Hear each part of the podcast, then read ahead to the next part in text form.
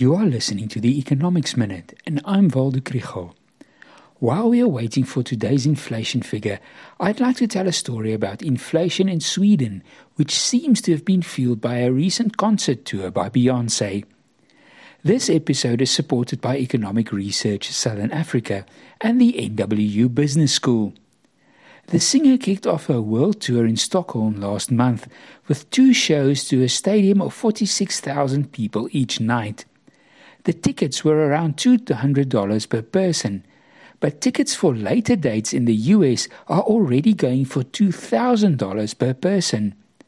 The result was that international fans of Beyonce descended on Stockholm, and the demand for hotel accommodation caused prices to rise so much that it could cause their inflation rate to increase from 8.1 to 8.2% in May to think that we are only expecting an inflation rate of 6.4%.